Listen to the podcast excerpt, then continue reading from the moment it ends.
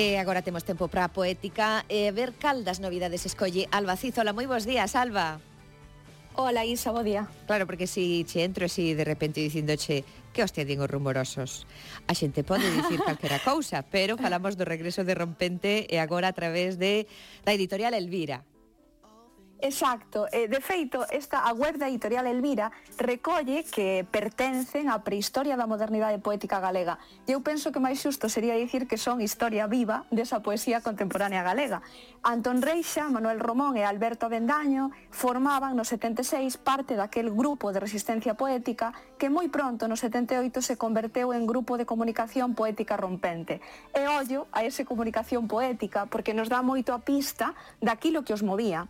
Por riba de todo, eu penso que estaba a vontade de progreso e de renovación dentro do sistema cultural galego que pasaba, por exemplo, pola teima, primeiro, de sacar a poesía dos libros e levar á rúa, aos bares, segundo, a atracción pola linguaxe multimedia, o diálogo co superoito, coa pintura, coa música, e tamén as técnicas de edición como multicopista, que era moi doada de distribuir e capaz, por suposto, de evitar a censura.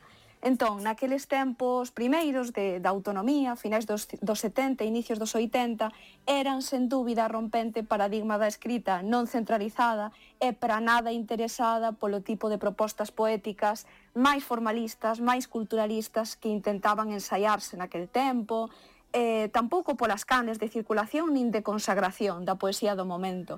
Entón, foron entón vanguardas, sen dúbida, e volven agora a nós, 40 anos máis tarde. Bueno, e volven, eh, de que xeito volven? Que, que inclúe este, este novo, esta nova publicación que xoga, ademais, cos versos de Eduardo Pondal? Que hostia din os rumorosos? Que trae aquí este libro? pois situémonos por un momento naquel Vigo do 76, sempre entre o apoxeo e a crise, non? entre as novas actividades e o desmantelamento do sector pesqueiro. Case todos os xestos de vanguardismo posmoderno que podemos detectar na Galicia daquel tempo procuraban revisitar críticamente a historia, as narrativas da historia, fuxir dos tópicos, fuxir do corpus mítico, fuxir mesmo do nacionalismo tradicionalista e, por suposto, do lirismo, non? Trenzar sempre traxedia e comedia e ir da man da ironía e da parodia. E, por suposto, todo isto está aquí.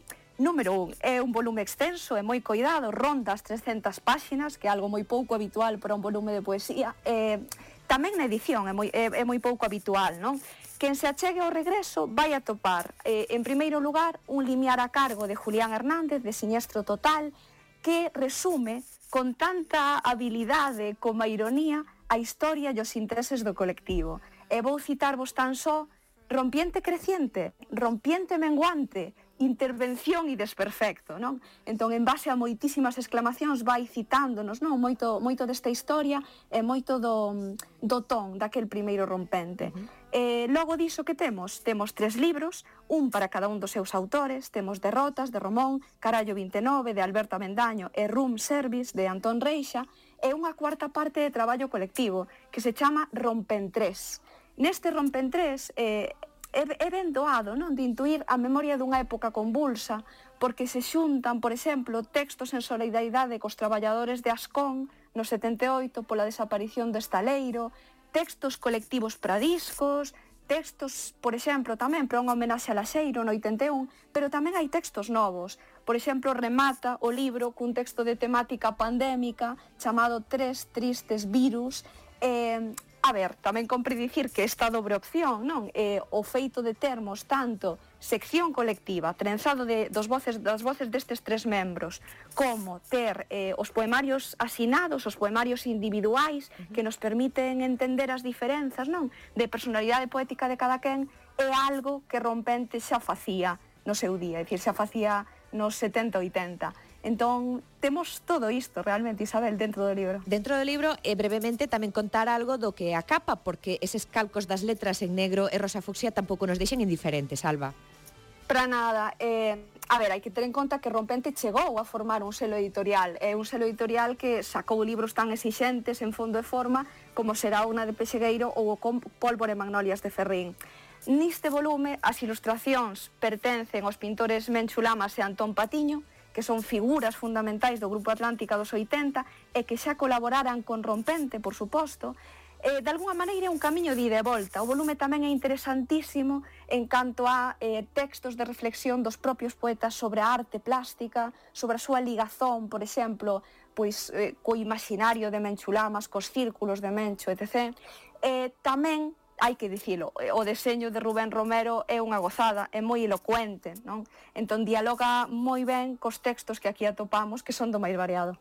Bueno, pois temos esta nova publicación pola editorial Elvira, que os din os rumorosos, volve o grupo rompente en 30 segundos. Como reivindicar uh, o seu regreso 40 anos despois? Alba. Pois número un, hai que reivindicar o que aquí hai de pouso autocrítico, de reflexión sobre a vanguarda e sobre o sentido da literatura, e número dous, para min, reivindicar a súa forma de traballar que era atípica entón e é atípica hoxe. E como foron capaces de acompañar unha Galicia en transición eh, pois do rural ao urbano, do popular ao culto, non? E o que hai sempre en rompente é incerteza, asombro, encontro, unha especie de kilt, non? Unha mestura made in Galicia. Bueno, e ademais eu creo que sería unha desas recomendacións poéticas deste ano 2021 e moito máis, por suposto, neste verán. Grazas, Alba. Ata dentro de